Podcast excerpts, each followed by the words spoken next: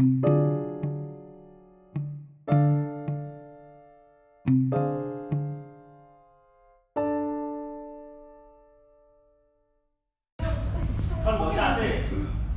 warahmatullahi wabarakatuh. Waalaikumsalam warahmatullahi wabarakatuh. Saya M. Fajar Karisma Putra dari kelompok 8 bersama teman-teman. Suwan, Meng. Iya lanjut. Cuk. Pertama, saya akan menanyai Bapak Dika. Nah, Yang pertama tentang faktor internal perusahaan. em nggak perkenalan dulu ini. Oh ya, silakan Mas. Perkenalan. Iya nama saya Izardika Fismedan Siadas. Saya kelahiran 2000 11 November. Terus usaha lumayan banyak, bukannya banyak, ini cuman banyak banyak. ya, yang paling saya tonjolkan untuk sementara ini saya di Lightfix Dotsuk. Ya. Mer jadi multitasking dia. ya multi talent. Ya, multi talent lah.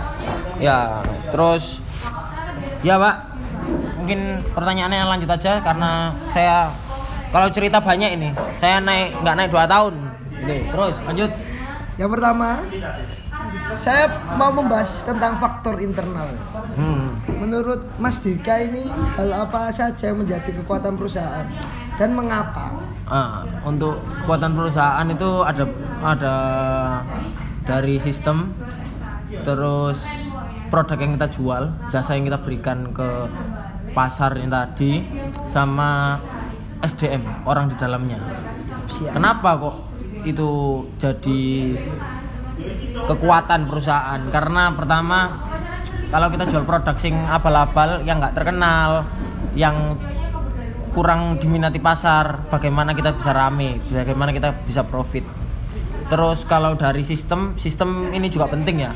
Karena kalau sistemnya nggak kebangun dengan matang dan efisien, itu ibarat badan itu tidak berfungsi dengan baik gitu. Organnya tidak berfungsi dengan baik. Terus selanjutnya SDM. SDM ini di perusahaan juga penting karena kita butuh orang-orang loyalita yang loyalitas tinggi dan berkompeten di dalam bidang ini tadi. Itu. Oke, Pak. Oke, Mas Dika. Yang kedua, Mas Dika. Kelemahan perusahaan, Mas Dika. Lawan kata yang tadi. Oke, kelemahan dari perusahaan sebenarnya perusahaan saya ya. Kalau semua kelemahan dari perusahaan saya sementara sumber sumber daya manusianya masih kurang berkompeten ini tadi. Kurang berkompeten dalam artian kayak kan ini saya ber- berhubungan sama servis ya. Servis HP. Otomatis saya juga harus loh, baterai kuntek. Baterai kuntek ya. Cek ini lo. Bukan iki. Restart, Cuk. Cek, cek. Jadi kalau semua masalah kelemahan usaha, kalau kelemahan di dalam perusahaan saya ya intinya SDM-nya kurang mantap dari teknisi kan. Kalau teknisi itu harus ahli. Soalnya berhubungan sama produk orang, barang orang. Kalau semua ini enggak nggak dikerjakan oleh ahli, tambah rusak mas. Intinya seperti itu sih. Kalau kelemahan yang lain kita mungkin dalam manajerial dan waktu. Karena ini kita berhubungan masih sama anak-anak milenial yang tergolong lebih fleksibel daripada orang-orang tua. Jadi mungkin masalah profesional kerja kita masih belum mantep itu. Oke. Tadi masalah internal. Hmm. Faktor internal bukan masalah. Yang kedua, mau membahas tentang faktor eksternal, Mas, dari perusahaan. Hmm. Menurut Mas Dika ini yang menjadi peluang peluang atau kesempatan perusahaan itu apa aja, Mas? Menurut Mas Dika. Peluangnya itu di bidang servis ini tadi memang jadi kebutuhan pokok. Jadi hampir bisa jadi kebutuhan pokok seluruh umat di Indonesia juga ya. Di dunia malahan. Karena em, siap em, hampir semua orang di dunia ini pegangan HP sendiri-sendiri.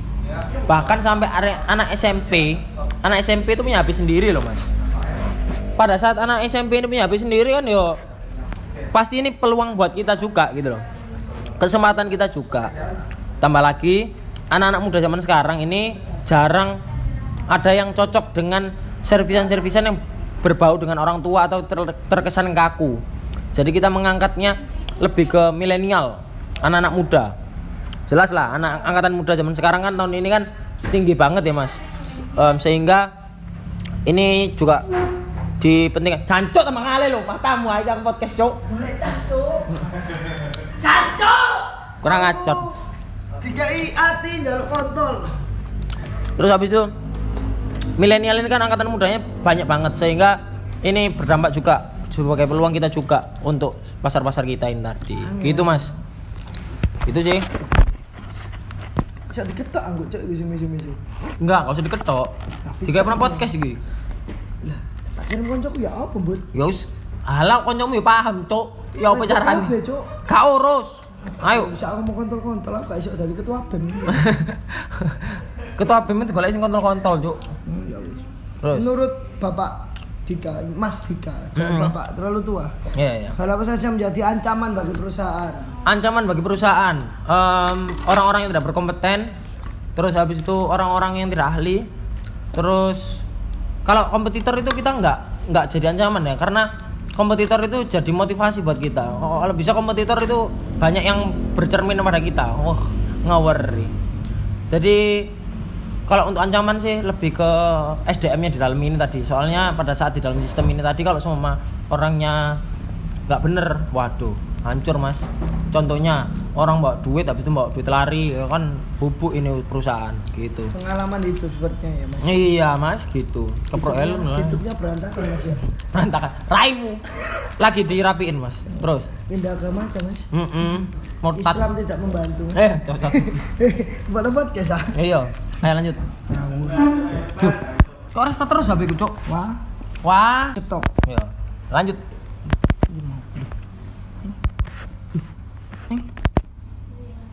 bukan sih password oh oh ini mesti baterai Mas yang dulu ganti HP ya, Mas. ya? iya ini biasa tukang servis buka sendiri Iya. Pertanyaan terakhir ini, Mas. buku ter oh, Terakhir, terakhir terakhir sih, oh, terakhir. bab terakhir. Oke. Satu, visi misinya Mas apa? nah lanjut mas monggo tadi pertanyaannya. Apakah visi misi dari perusahaan? visi misi perusahaan jelasnya bermanfaat untuk khalayak umum ya. Waduh ngawur. Ber- bermanfaat untuk kaum milenial juga. Terus habis itu yang jelas kita tujuannya nggak di sini aja mas. Kita juga mau buka cabang dan memenuhi pasar pasar milenial ini tadi. Fokusnya itu. Siap. Siap, siap, siap. Terus yang kedua, jasa apa saja sih yang ditawarkan oleh Likefit ini? untuk jasa kita menerima untuk servis HP mulai dari Android, iPhone, iPad, laptop, Mac, Windows, wis semuanya mas. Jadi em, kalau dibilang kita one stop solution ya bisa, bisa. Jadi hampir semuanya bisa diperbaiki di sini kecuali kulkas, AC, TV, kipas angin, attitude, gitu-gitu sih mas. Lanjut, monggo. Yang ketiga, ini Mas. Yang membedakan jasa servis yang lainnya dengan Likefit ini apa Mas? Yang membedakan ya, kalau yang membedakan sih jelas mas, Em, kita berhubungan sama anak muda banget. Jadi kita ini mengedepankan bisnis anak muda. Jadi yang ke sini tuh pasti anak muda, anak muda dan dikerjakan dan berhubungan sama anak muda. Kita nggak nggak se formal sama orang tua gitu mas. Jadi pertama kita bagus di produk, selain bagus di produk juga bagus di penyampaian pembawaan kita kepada anak muda gitu sih Keempat. Ini keempat. Upaya promosi apa saja sih yang sudah dilakukan Likefit sendiri? hmm kalau upaya sih banyak sih mas ya. Kita promosi itu kerjasama sama universitas-universitas. Untuk sementara ini baru UPN saja. Yang jelas ke depannya bakalan nambah. Bakalan nambah. Bakalan nambah em, servisnya. Bakalan nambah juga promosi yang ditekankan. Yang jelas kita promosi yang sekarang berjalan ini dari mulut ke mulut mouth to mouth karena mungkin kita juga sudah dapat brandingnya ini mas ya sudah dapat brandingnya sudah dapat powernya sehingga kita tidak em, kesulitan pada saat mencari customer-customer baru karena orang-orang sudah menyarankan langsung ke light fix gitu. Terus strategi bersaing like fix yang dilakukan sekarang apa sih? Um, Strateginya. Kalau strategi sebenarnya nggak pengen saya sampaikan, cuman saya sampaikan aja di kali ini ya mas ya. Karena strategi ini kan sudah keren sekali, ini sudah kayak bangun yang sangat keren. Jadi untuk strategi yang kita angkat ini tadi, em, kita berusaha sedekat mungkin sama customer, sedekat mungkin dengan anak-anak muda. Jadi mereka em, lebih nyaman kepada servis di kita daripada di orang lain dulu mas. Ya itu sih strategi bersaing yang kita lakukan ya tetap ber- tetap berproses, tetap jadi listrik yang lebih baik terus gitu. Monggo. Terus menurut Mas Dika, siapa saja sih pesaingnya like fix? Dan pengguna jasa utama like fix ini apa ya? Siapa saja Ya, ya. siapa saja lah. Em, untuk pesaing dari Lightfix sendiri mungkin servisan-servisan yang tidak berada di mall ya mas? Em, ada beberapa juga pemain-pemain lama di penjuru Surabaya. Terus ya mungkin merek-mereknya nggak perlu saya sebutkan. Terus untuk pengguna jasa utama ya jelasnya range umur usia 15 sampai 25 tahunan mas itu Milenial berarti Mas. iya milenial. muda. anak-anak muda anak-anak.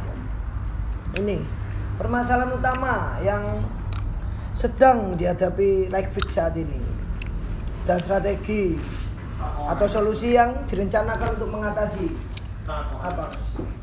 yang jelas kita lagi lagi ada permasalahan di manajerial yang poinnya adalah em, efisien dalam hal nge-manage nge-manage sistem bagaimana sistem ini berjalan sebagaimana sebagaimana mestinya terus habis itu solusinya ya kita akhirnya mengatur kembali skema manajemen yang efisien menurut kita sendiri. Untuk sementara kita belum pernah menggunakan tenaga-tenaga ahli dari lulusan-lulusan manajemen. Jadi kita kerjakan sendiri, Mas. Tenaga gitu.